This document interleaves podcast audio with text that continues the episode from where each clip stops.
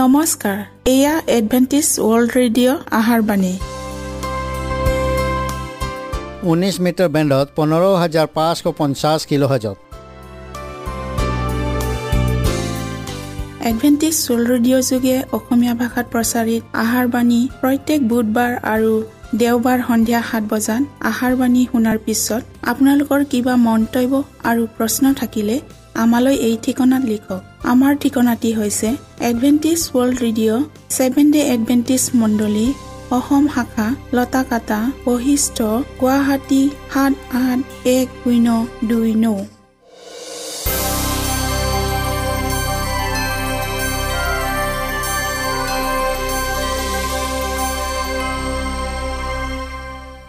প্ৰিয় শ্ৰোতা বন্ধুসকল এতিয়া শুনো আহক এটি খ্ৰীষ্টীয় ধৰ্মীয় গীত।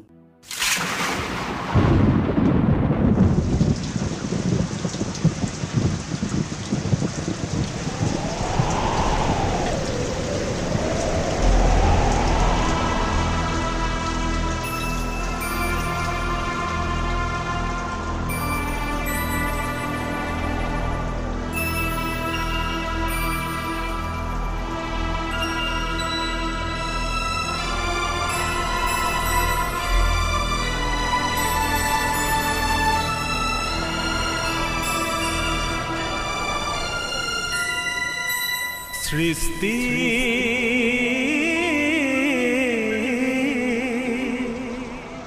আদিতে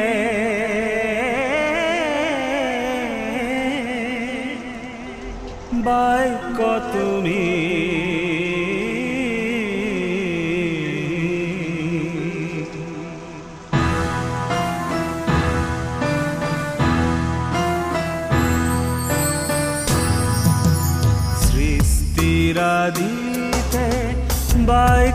তুমি করিলা সৃষ্টি বিশ্ব ব্রহ্মাণ্ড বিশ্ব ব্রহ্মাণ্ড। বাক্য রূপে আসিলা তুমি স্বয়ং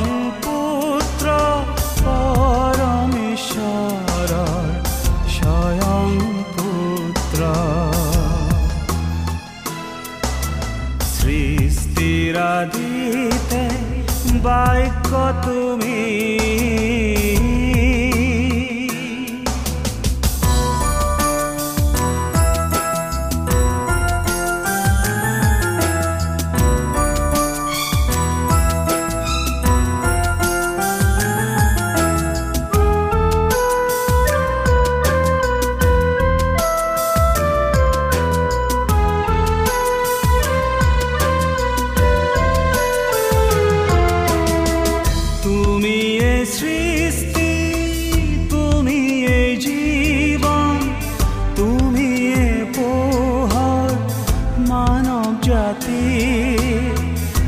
পাপেৰে পূৰ্ণ মানৱ জাতি বৃদ্ধি হ'ল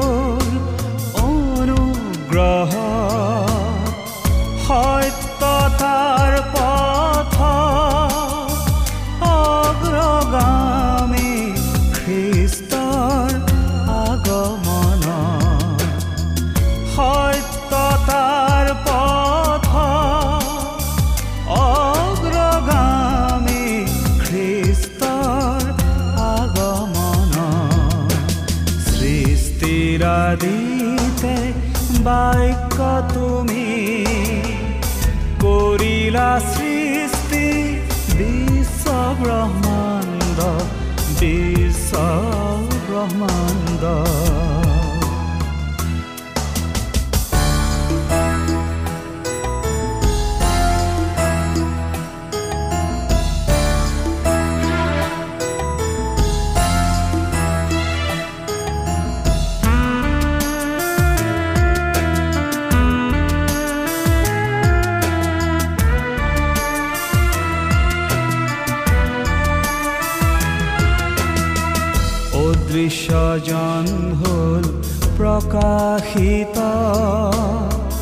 দিবলৈ শান্তি প্ৰেম অদৃশ্য অদৃশ্যজন হ'ল প্ৰকাশিত দিবলৈ শান্তি।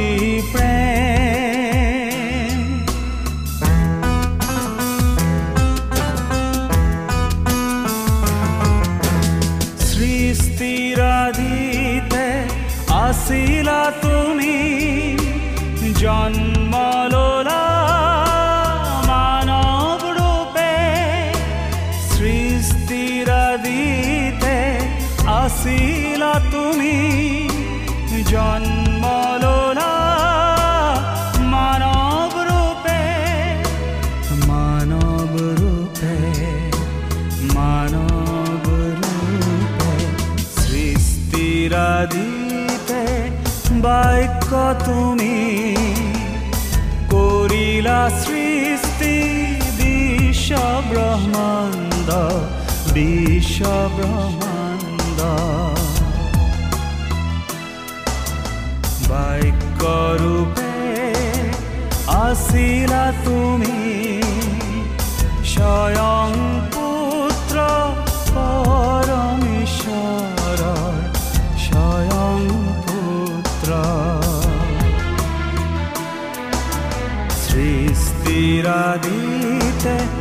বাক্য তুমি।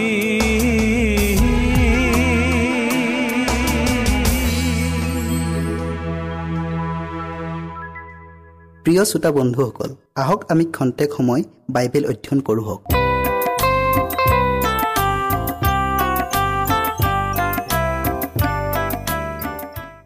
আমাৰ আজিৰ বিষয়টি হ'ল হৃদয় আৰু জীৱনত নিৰ্মল হোৱা। মঠি পাঁচ অধ্যায়ৰ আঠ পদ। নিৰ্মল চিত্ৰৰ মানুহবিলাক ধন্য কিয়নো তেওঁবিলাকে ঈশ্বৰৰ দৰ্শন পাব। বিষয়টিৰ আগবঢ়াৰ আগত আমি প্ৰাৰ্থনা কৰি লওঁ হওক। স্বৰ্গত থকা জীৱনময় গৰাকী ঈশ্বৰ যে হোৱা। ধন্যবাদ প্ৰভু তুমি আমাক আকৌবাৰ এই সুন্দৰ সময় দিয়াৰ বাবে প্ৰভু তুমি আমাক জ্ঞান আৰু বুদ্ধি দিয়া। যি বিষয়টিলৈ আমি আগবঢ়াইছোঁ প্ৰভু এই বিষয়টিলৈ আমাক জানিবলৈ পবিত্ৰ আত্মা যোগাই দিয়া। এই চুটি যাচনা ত্ৰাণকৰ্তা প্ৰভু যীশুৰ নামত খুজিলোঁ। আমেন। ঈশ্বৰৰ নগৰত কোনো অশুদ্ধ ঘীনলগীয়া বস্তু সোমাব নোৱাৰিব। যিবিলাকে সেই নগৰৰ বাসিন্দা হ'বলৈ আশা পালি আছে তেওঁবিলাকে নিজকে আৰু নিজ হৃদয়বোৰক এই পৃথিৱীতে নিৰ্মল কৰি ল'ব লাগিব। যীশুখ্ৰীষ্টক জানিবলৈ চেষ্টা কৰা বা তেওঁৰ নিচিনা হ'বলৈ তেওঁক শিকি থকা ব্যক্তিজনে অমাৰ্জিত আচাৰ ব্যৱহাৰ অশোভন ভাষা আৰু নিজ চিন্তা ইত্যাদি কাৰ্যৰ পৰা নিজকে আঁতৰাই আনে। যেতিয়াই কৃষ্ট আমাৰ হৃদয়ত বাস কৰে তেতিয়াৰ পৰাই আমাৰ হৃদয় নিৰ্মল শুদ্ধ হৈ পৰে আৰু আমাৰ চিন্তাধাৰা আৰু ব্যৱহাৰ পাতিৰ সংশোধন হয়। কিন্তু যীশুখ্ৰীষ্টৰ বাক্যত ইয়াতকৈও অধিক গভীৰ অৰ্থ লুকাই আছে। নিৰ্মল শুদ্ধ বুলি ক'লে আজি জগতে যিটোক বুজি পায় কৃষ্টই সেইটো অৰ্থতকৈ অন্য এটা গভীৰ অৰ্থ বিষয়েহে কৈছে। নিৰ্মল শুদ্ধতাৰ অৰ্থ হৈছে আটাই ইন্দ্ৰিয় সুখ ভোগৰ পৰা নিজকে মুক্ত কৰা। কামনা বাসনাৰ পৰা মুক্ত কৰা।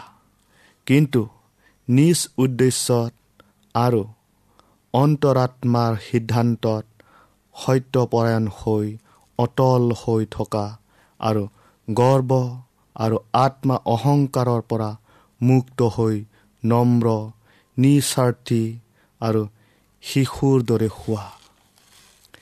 মাত্ৰ গুণেহে গুণৰ মূল্য বুজি পায়।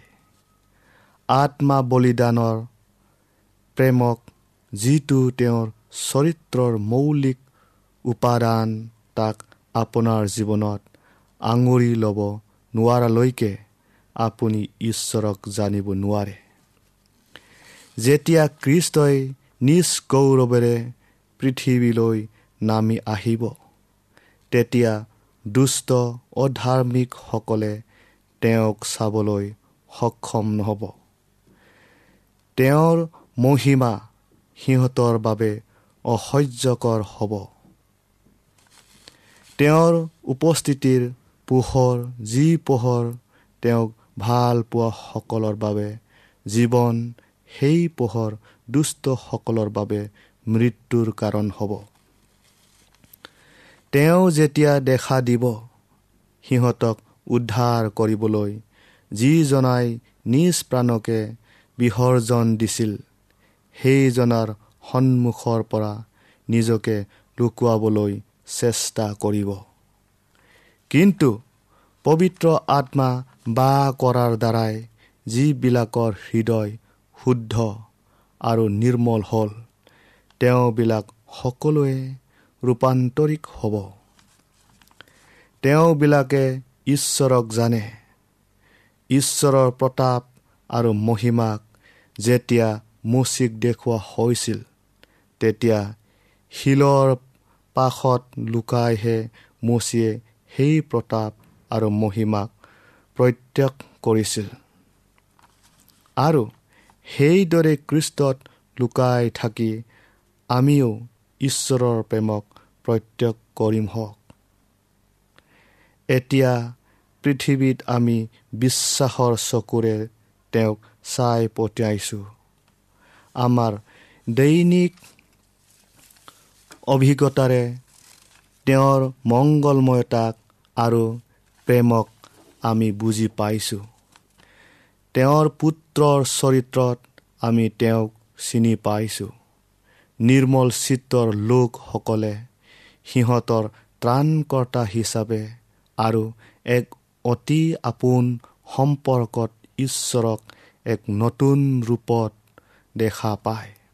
আৰু যেতিয়া সিহঁতে তেওঁৰ এই মোহনীয় শুদ্ধ আৰু প্ৰেমময় চৰিত্ৰক বুজি পায় তেতিয়া সিহঁতেও তেওঁৰ প্ৰতিমূৰ্তিটোক প্ৰতিফলিত কৰিব বিচাৰে।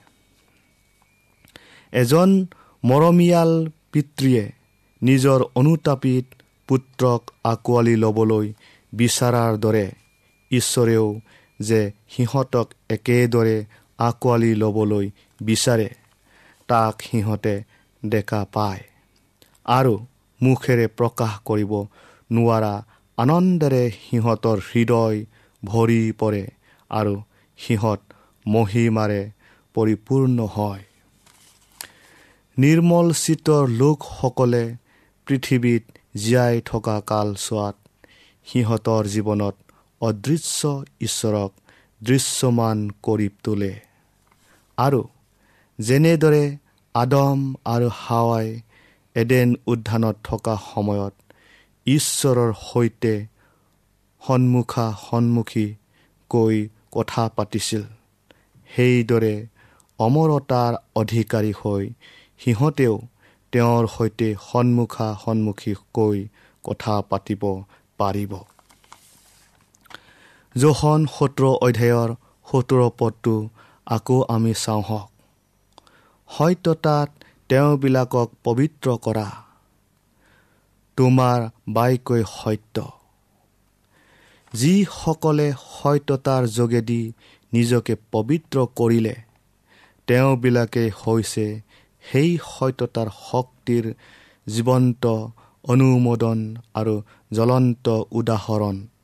আৰু সিহঁতৰ পুনৰুত্থিত প্ৰভুৰ প্ৰতিনিধি। কৃষ্টৰ ধৰ্মই ধৰ্মৰ সোৱাদক আকৌ পৰিশোধন কৰিব। বিচাৰ বুদ্ধিক পবিত্ৰ কৰিব। উন্নীত কৰিব। শুদ্ধ আৰু সূচী কৰিব আৰু আত্মাক এনে কাৰ্যক্ষম কৰি তুলিব যাৰ দ্বাৰা খ্ৰীষ্টানসকল স্বৰ্গীয় দূতৰ সমাজৰ বাবে অধিক অধিককৈ উপযুক্ততাৰ গুণেৰে ভূষিত হ'ব।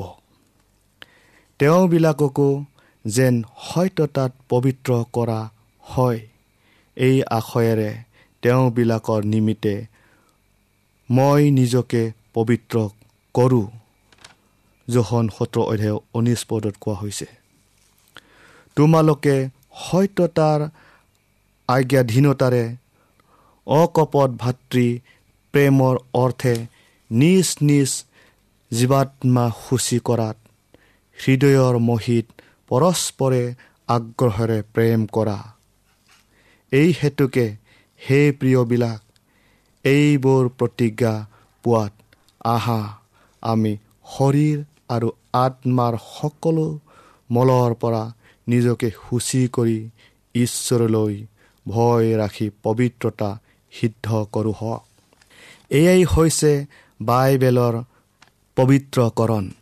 এয়া মাথোন মানুহক দেখুৱাবলৈ কৰা কাম নহয়। অথবা বাহিৰৰ ফালটোক ৰং দিয়াৰ দৰে এটা উপৰুৱা কামো নহয় এই পবিত্ৰকৰণক সত্যতাৰ মাজেৰেহে লাভ কৰিব পৰা যায়। এই সত্যতাক হৃদয়েৰেহে গ্ৰহণ কৰা হয় আৰু জীৱন যাত্ৰাত ইয়াক সঠিকভাৱে ব্যৱহাৰ কৰা হয়। যিসকলে সত্যতাৰ এটা অংশক সিহঁতৰ পাছফালে পেলাই ৰাখে। সিহঁতৰ কেতিয়াও বাইবেল ভিত্তিত পবিত্ৰকৰণ হ'ব নোৱাৰে।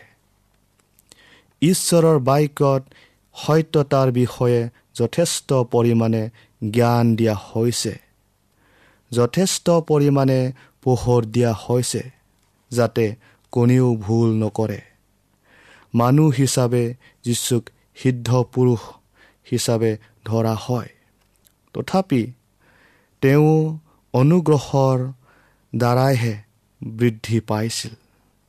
পাছে যীশু জ্ঞানত বয়সত আৰু ঈশ্বৰ আৰু মনুষ্য দৃষ্টিটো অনুগ্ৰহত বৃদ্ধি পাই থাকিল।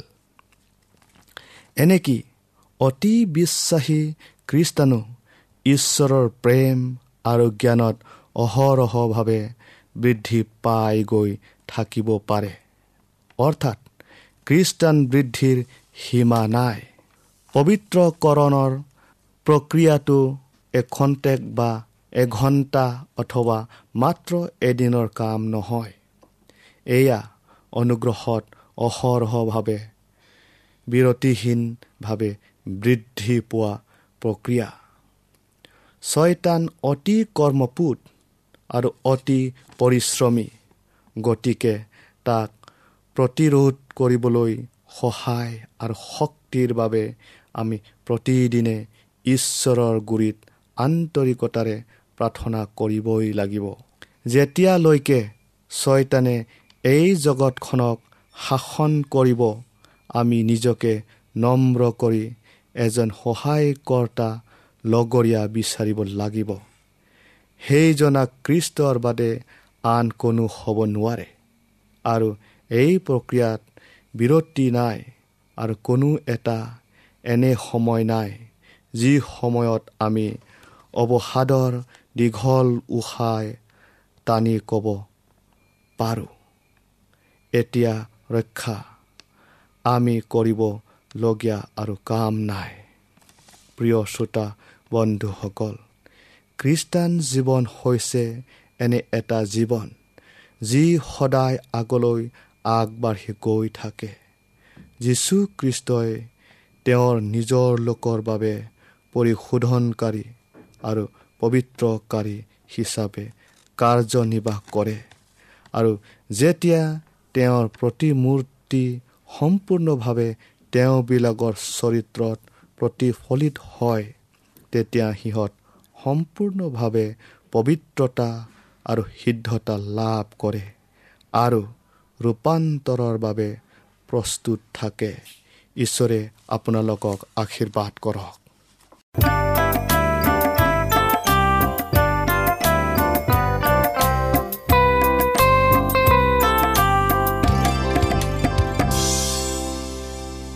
ইমানপৰে আমি বাইবেল অধ্যয়ন কৰিলোঁ। এতিয়া আকৌ শুনো আহক এটি খ্ৰীষ্টীয় ধৰ্মীয় গীত।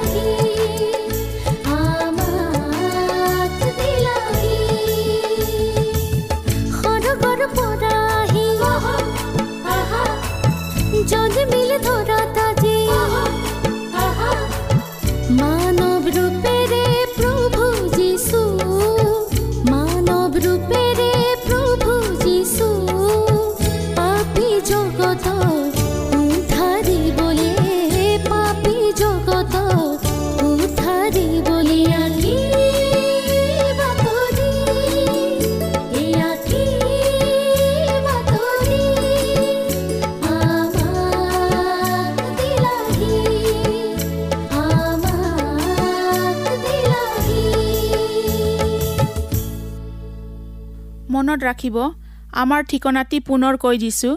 Adventist World Radio' Assam region of Seven Day Adventist Voice of Hope Latakata Basistha Guwahati seven eight one zero' two nine প্ৰিয় শ্ৰোতা বন্ধুসকল এডভেণ্টিজ ৱৰ্ল্ড ৰেডিঅ' যোগে আহাৰবাণী প্ৰচাৰত আপোনালোকক পুনৰ লগ পোৱাৰ আহাৰে আজিলৈ সামৰিলোঁ। ধন্যবাদ।